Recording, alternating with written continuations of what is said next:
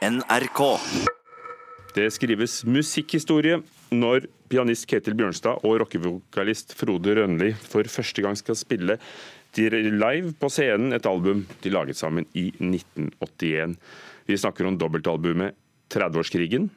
I mai skal de to altså møtes på scenen med band for å urfremføre dobbeltalbumet. Eh, og, Ketil Bjørnstad sier om Stavanger-ensemblets frontfigur Frode Froddin Rønli at han er en vokalist av verdensformat. Initiativet kommer fra mannen som elsker Stavanger-rocken, forfatter Tore Renberg.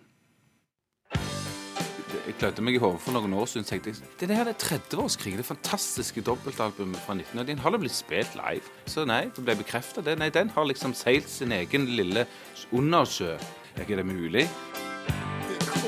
Kald, kald krig med min far. Vi skriver 1981, og det er kald krig på flere plan. Men musikalsk forbrødring mellom Østlandet og Vestlandet. Mellom rockerne i Stavanger-ensemblet og den klassisk utdanna pianisten og komponisten Kjetil Bjørnstad. Og så tenkte jeg på hvem er det jeg beundrer mest akkurat nå, og det var jo Stavanger-ensemblet. For da hadde de gjort et par album som jeg hadde lyttet mye til.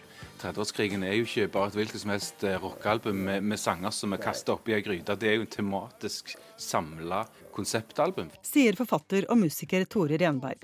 Nå har han sørget for at Stavanger-ensemblets karismatiske frontfigur, Frode Frodjen Rønli, med nytt band for anledningen, sammen med Bjørnstad, skal framføre store deler av albumet på Mayasfestivalen neste år. Dette er generasjonsportrett. Det er portrett av optimismen, og det er portrett av det vanskelige i det kollektive løftet etter krigen, og det er portrett av en mann som står midt oppi dette. Kasper så jo Frode leverte litt av historien til dem. God kveld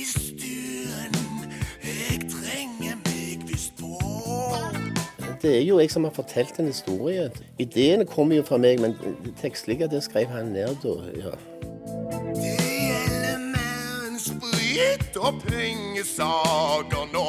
Det er jo et veldig alvorlig album med ganske mye sinne og, og sunn aggresjon og livsglede. Og samtidig en erfaring av at du er i ferd med å bli 30 år, og livet har herjet litt med deg. Sier Kjetil Bjørnstad, som ikke var i tvil om hvem han ville jobbe med i 1981. De har en energi som er så unik. Det er ikke greit å være onkel i dag. Jeg ligger langt flate på gulvet, kan ikke finne ingen min. Hvis du hører på de rockesangerne som er ute i verden eh, nå, og som var på 80-tallet også, så kan jo Frode konkurrere fullstendig med mange av dem.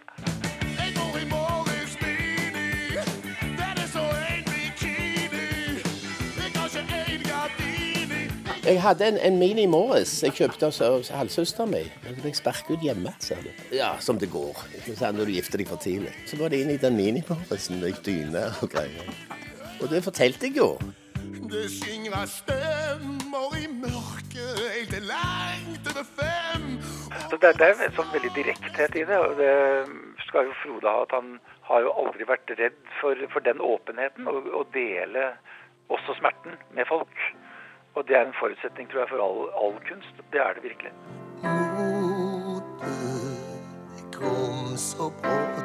Ja, det, var, det døde hun 17.6.66. Huset. Det var en del hjemme der som tilsa at det, hun var lei.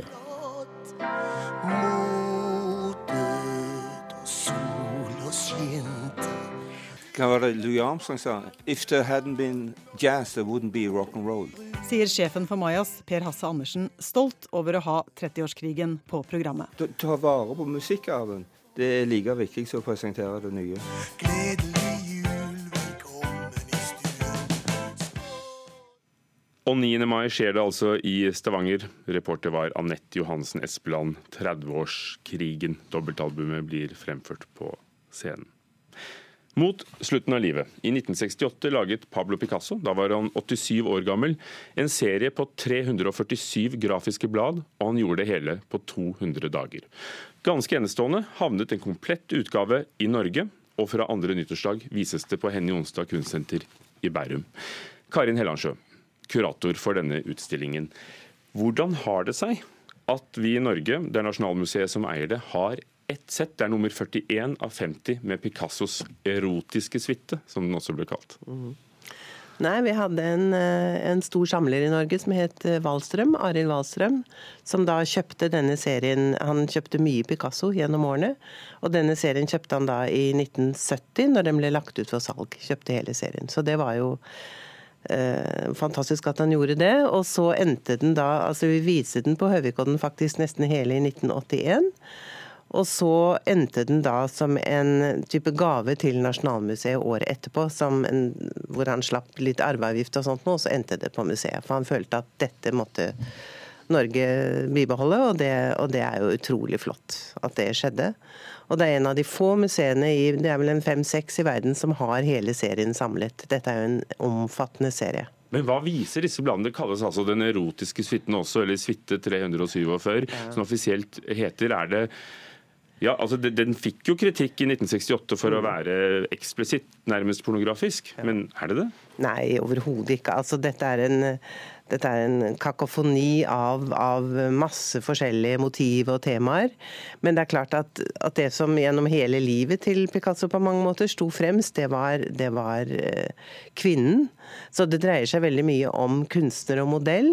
Og da har vi kvinnen som alltid er der, vakker og strålende, og så har vi kunstneren som, som han latterliggjør i mange, mange, situasjoner. Og det er, det er en utrolig serie med veldig mange uttrykk. Og så er det jo en en av miraklene i den grafiske kunstens historie. Altså Dette gjorde han sammen med to brødre som het Cromelync i Mougin i Frankrike.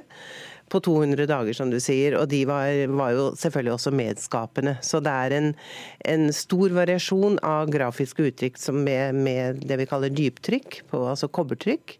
Med etsninger og akvatinter og mezzotinter og masse forskjellig. Og det um... Men altså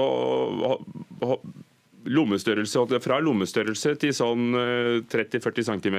Ja. Eh, svart-hvitt.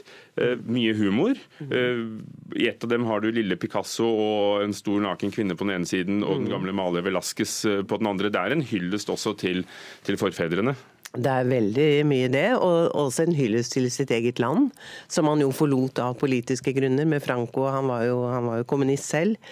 Så, så det er men, men, det ender opp som en Det handler på en måte om kunsten selv også. Vi møter jo Picasso hadde et langt liv i kunsten. Han ble jo 92 år.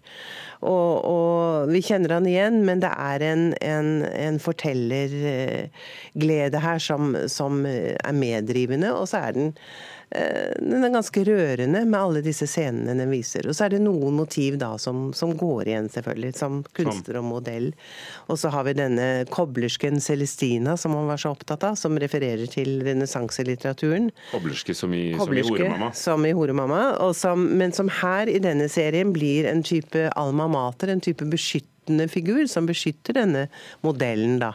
Karin Helansjø, når du ja. står der med 347 grafiske blad av selveste Pablo Picasso. Hvordan, hvordan, fordeler du det? Hvordan lager du en utstilling med, med litt fart i?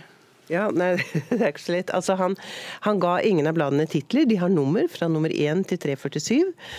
det vil du ikke gjøre? Kronologisk? Eh, jo, altså det er liksom Det ligger under. Det, jeg måtte ha en Jeg måtte følge han.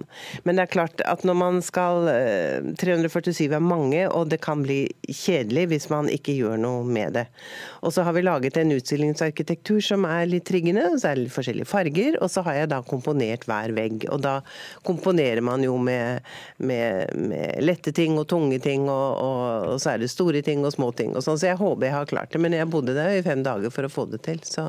Og for at ingen skal bli, bli skuffet, eh, det forarger neppe i, i 19, eh, nei, hva er det ved, 2019. Men, men, det er ganske eksplisitt noe av det.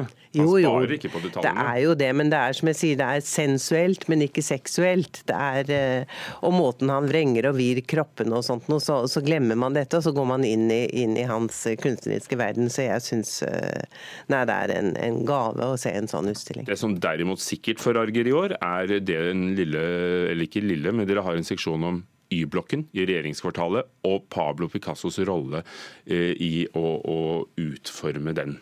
Hva viser dere? Vi syns vi måtte vise det. Altså Vi viser de fem arbeidene som, eh, som eh, Pablo Picasso og Carl Nesja laget i H-blokka, Høyblokka og Y-blokka.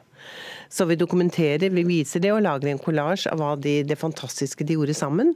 Og dette starter deres samarbeid, som jo var i, i 17 år, hvor de laget 34 arbeider sammen. Det startet med Høyblokka og Y-blokka. Ser du det slaget som tapt? Altså, Nei, det, det er ikke tapt før det er tapt. Jeg, altså, dette er, Hele verden venter på hva vi gjør, og jeg håper jo at det skal gå bra, at vi bevarer Y-blokka. Så, så dette er en markering av dette fantastiske arbeidet de gjorde sammen.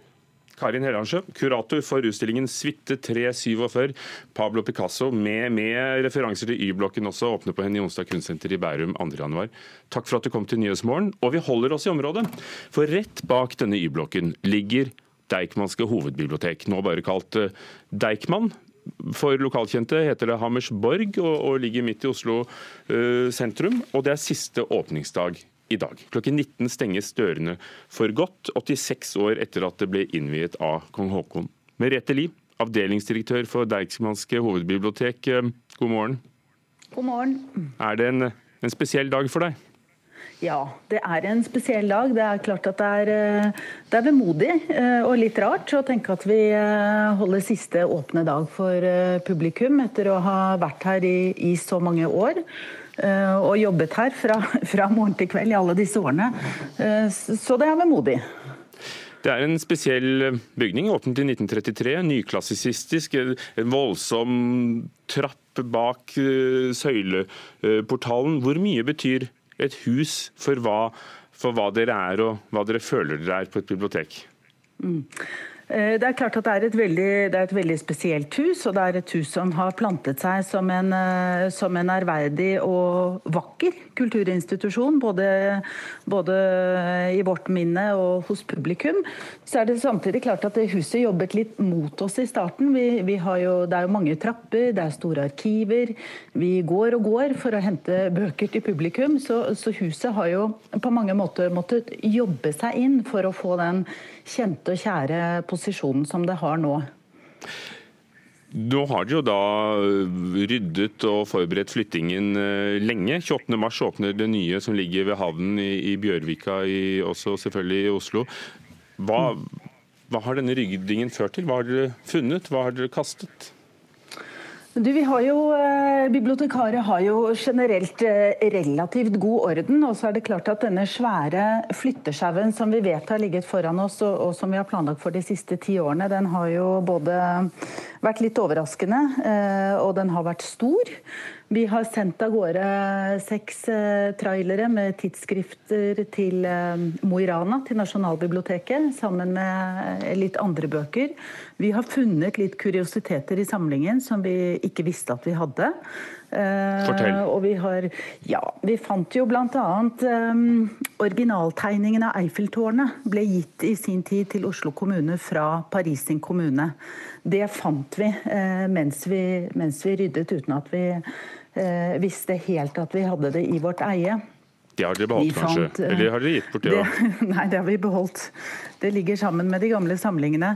Og Der la vi også reiseskildringene eh, av James Cook, eh, som sto i ordinært utlån. Fire, fire, bind som man kunne ta med hjem og låne og betale 450 kroner for å erstatte dersom du tapte dem, med en, med en betydelig høyere markedsverdi.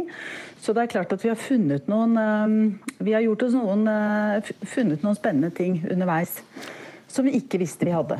Har dere i arbeidet med å, lage et nytt hovedbibliotek for Deichmanske bibliotek, eller Deichman som, det, som dere nå kaller det, det, det, ligger jo på mange steder i byen. Men har dere Nå får dere et helt moderne bygg eh, på et veldig synlig sted. Har dere latt dere inspirere av andre byer, andre steder? Fra Drammen til Seattle har bibliotekene, nye biblioteker betydd mye for byene? Mm. Jeg tenker Biblioteket har betydd mye for byene. og det som, det som, har skjedd i Oslo de siste ti årene, mens vi har planlagt hovedbiblioteket, så har vi jo lagt veldig stor vekt på å utvikle lokalbibliotekene våre. Eh, vi har jo med hovedbiblioteket 23 bibliotek rundt i Oslo. Eh, og flere av disse bibliotekene har gjennomgått en kraftig fornying. Eh, med mye av det tankegodset som hovedbiblioteket har med seg når vi åpner. Ja, Hva skal et bibliotek være, da? Det skal jo være Du kan si at selve samfunnsoppdraget holder vi veldig godt fast på. Vi skal fortsette med å spre kunnskap, og vi skal fortsette med å spre opplysning. Eh, og jobbe for demokratiet og litteraturen. Men vi vet samtidig at både tjenestene og funksjonene våre er flere. Eh, verktøyene og rommene ser annerledes ut. Eh, på det gamle Hammersborg så er det jo primært de store boksamlingene som har, som har dominert opplevelsen av hva biblioteket er. Eh, og i det nye biblioteket så blir det langt flere tjenester enn det man får på gamle Hammersborg. Fra folkeverksteder til eh, musikkscener, podkaststudioer, 3D-printere, eh, kaffebarer, studieceller, lesesal, stillerom, kunstverk, utstillinger. Og selvsagt enorme boksamlinger flyttet ut av arkivene og inn i publikumsområdene. Hmm. Umberto Eco sa det at det var viktig å gå rundt på den italienske forfatteren, altså kunne gå rundt og plukke i hyllene og bli inspirert. 28.3 åpner det nye Deichman, eh, hovedbiblioteket. I kveld klokken 19 stenges dørene i det gamle. Er det noen spesiell markering? Mm. Vi, har, eh, vi, har, hatt en stor pågang med omvisninger eh, nå i det siste, og det fortsetter vi med gjennom dagen.